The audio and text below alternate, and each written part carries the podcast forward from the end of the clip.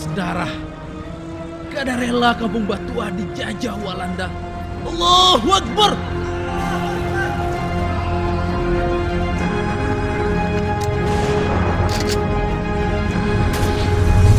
Mesti darah bersambur di baju.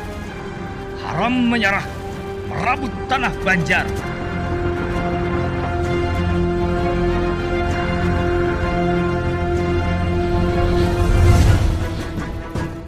Arul diperankan Aditya Chandra. Anang diperankan Fauji Albanjari. Amin Effendi diperankan Lai Sulaiman.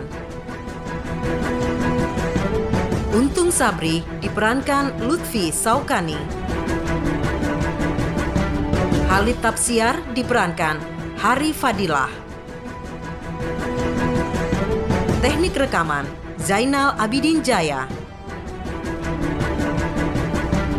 Teknik montase Arul Ramadhani. Narator Faiza Hasan. Penulis naskah dan sutradara Heri Purwanto.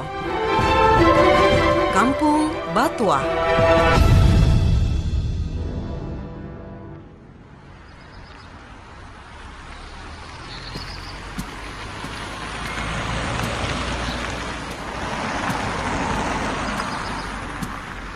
Aku memulai pagi pertamaku di Banjarmasin dengan menyisiri sungai sepanjang siring tandean. Aroma tanah basah sisa hujan semalam menyatu dengan dingin yang seakan memagutku.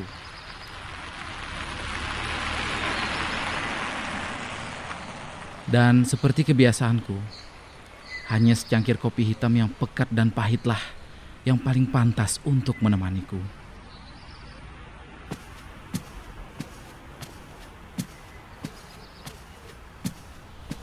Aku memilih satu warung kecil tak jauh dari jembatan yang melengkung angkuh di atas sungainya untuk bisa menikmati secangkir kopi setelah hujan.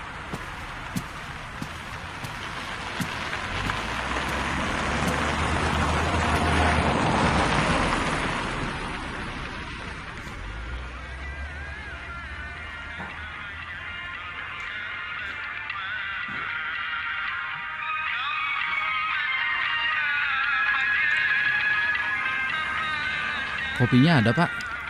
Ada. Silakan duduk, nak. Terima kasih, Pak. Eh, kopinya jangan terlalu manis ya, Pak.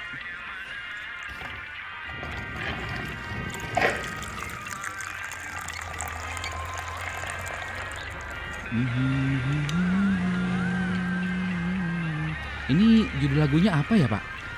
Kampung Batuah. Ini lagu karya Anang Ardiansah. Anang Ardiansah. Hmm, saya suka lagu-lagu ciptaan beliau, Pak. Seperti eh, lagu Paris Barantai. Ya, walaupun saya tidak tahu artinya apa, Pak. Oh, anak ini bukan orang Banjar ya? Iya, Pak. Saya dari Jakarta. Saya berlibur ke Banjarmasin ini. Ini kopinya, nak. Bila kurang manis, bilang saja ya. Oke, Pak. Terima kasih, Pak.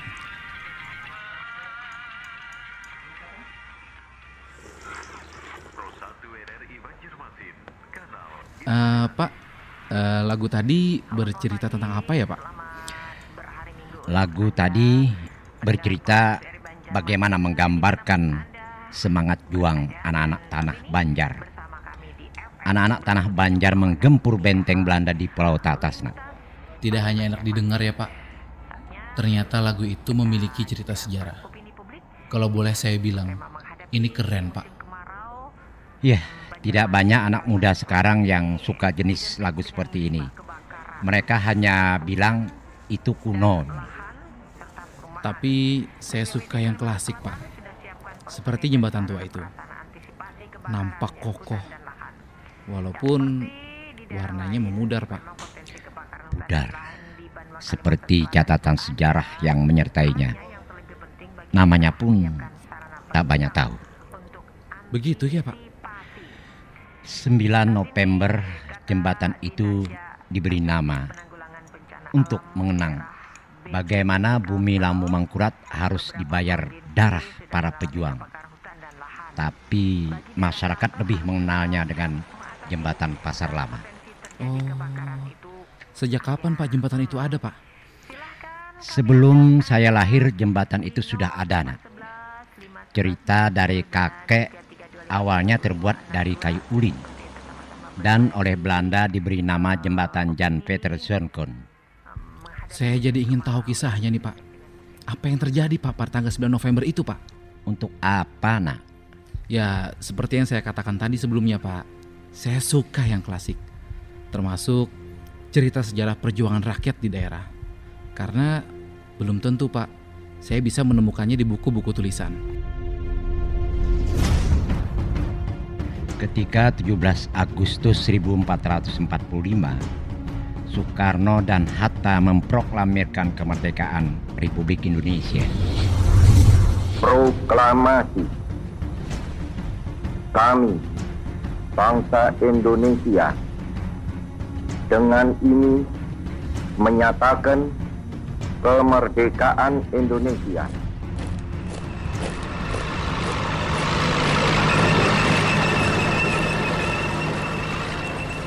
Tidak serta-merta kita di Kalimantan merasakan alam kemerdekaan. Sekutu kembali masuk ke Banjarmasin diikuti Belanda setelah Jepang menyerah kalah.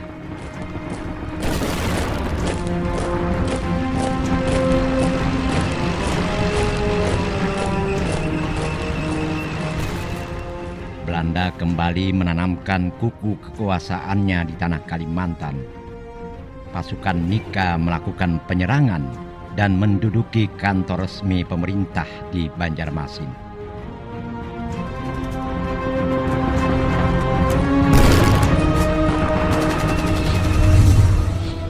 Puncaknya dari perlawanan pemberontak pasukan rakyat Kalimantan terjadi tanggal 9 November 1945 yang dikoordinir Amin Effendi, tokoh sentral barisan pemberontak Republik Indonesia Kalimantan.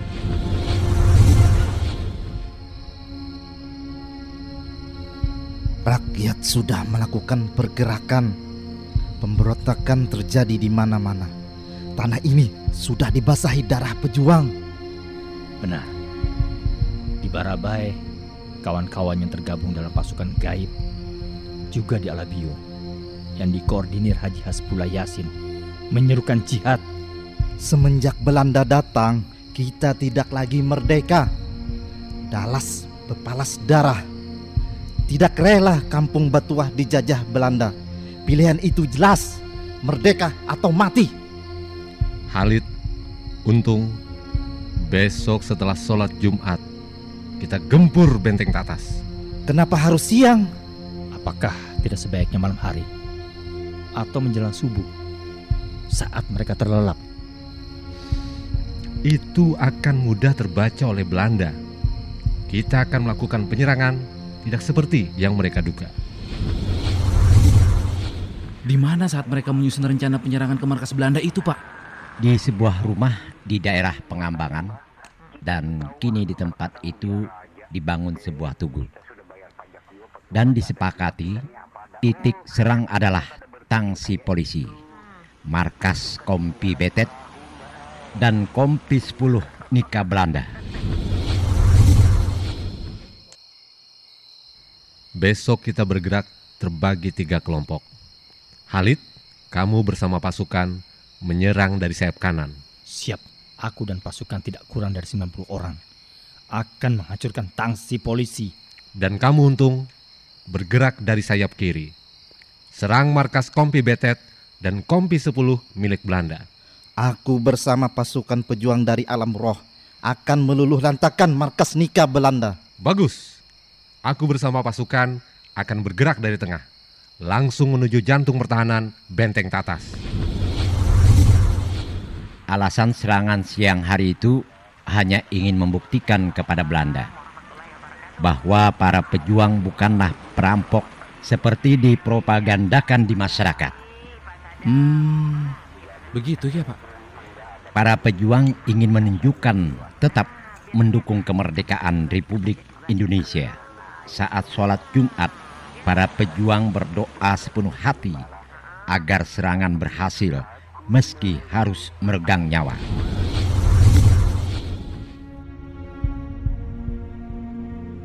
Kawan-kawan, kita siap bergerak. Kita kepung tangsi polisi Nika di Jalan Jawa. Dan kau Halid, ingat, bawa pasukanmu dari sayap kanan. Target kita sama, tangsi polisi Nika.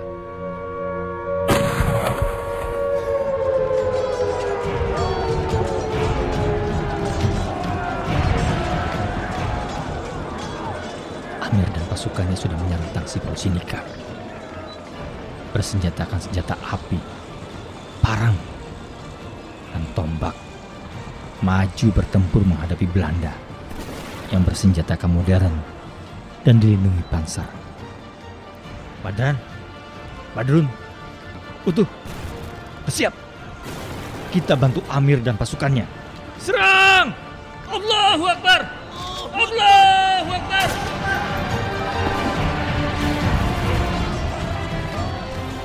Belanda menurunkan panser-pansernya dan memuntahkan peluru panas menerjang pejuang yang maju menyerang.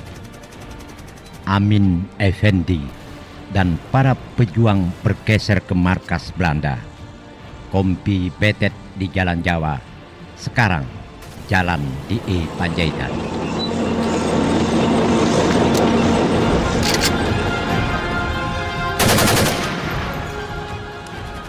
Di bawah komando Untung yang semula menyerang pertahanan Belanda markas Kompi 10 di Kelayan mulai bergerak menuju markas Belanda di Jalan Jawa.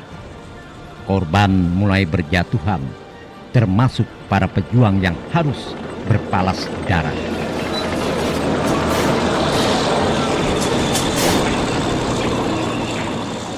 Allahu Akbar. Pasukanku mulai terdesak.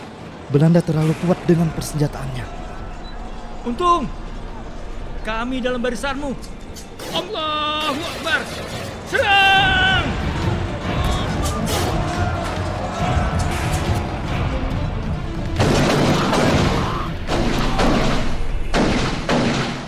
Untung Sabri dan dibantu pasukan sayap kanan yang dikomandoi Panglima Halid Tafsir menggempur habis-habisan markas Belanda di Jalan Jawa.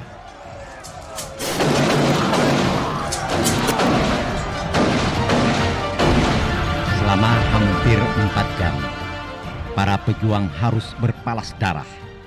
Kecamuk perang tak seimbang dari sisi persenjataan terjadi.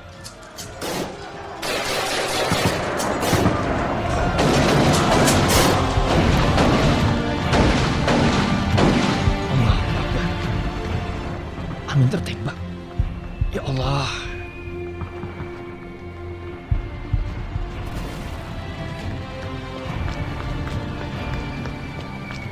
Min, ya Allah, bertahanlah Min.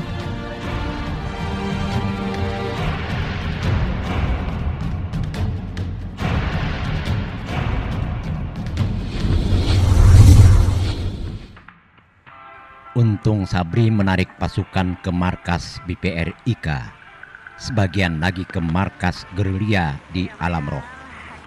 Sementara Halid Tafsir tertangkap. Mendengar cerita Bapak begini, bagai mendengar sandiwara radio, Pak. Ini sebagian kecil cerita perlawanan rakyat Kalimantan dalam menentang penjajahan. Setelah pertempuran 9 November 1945 menyusul meletus perlawanan rakyat seperti di Marabahan pada tanggal 5 Desember 1945 dan di Barabai yang dikenal dengan Tri Kesuma. Oh ya, Pak. Biasanya kan setiap peristiwa sejarah itu selalu ditandai, Pak. Misalnya dengan tugu. Nah, dalam peristiwa ini ada tidak, Pak? Para pejuang yang gugur itu dapat dilihat nama-nama mereka di tugu yang ada di Jalan Penjahitan. Dulunya Jalan Jawa. Sedangkan tugu satunya ada di Pangambangan. Dan untuk mengenang peristiwa heroik itu, jembatan lusuh di sana diberi nama 9 November.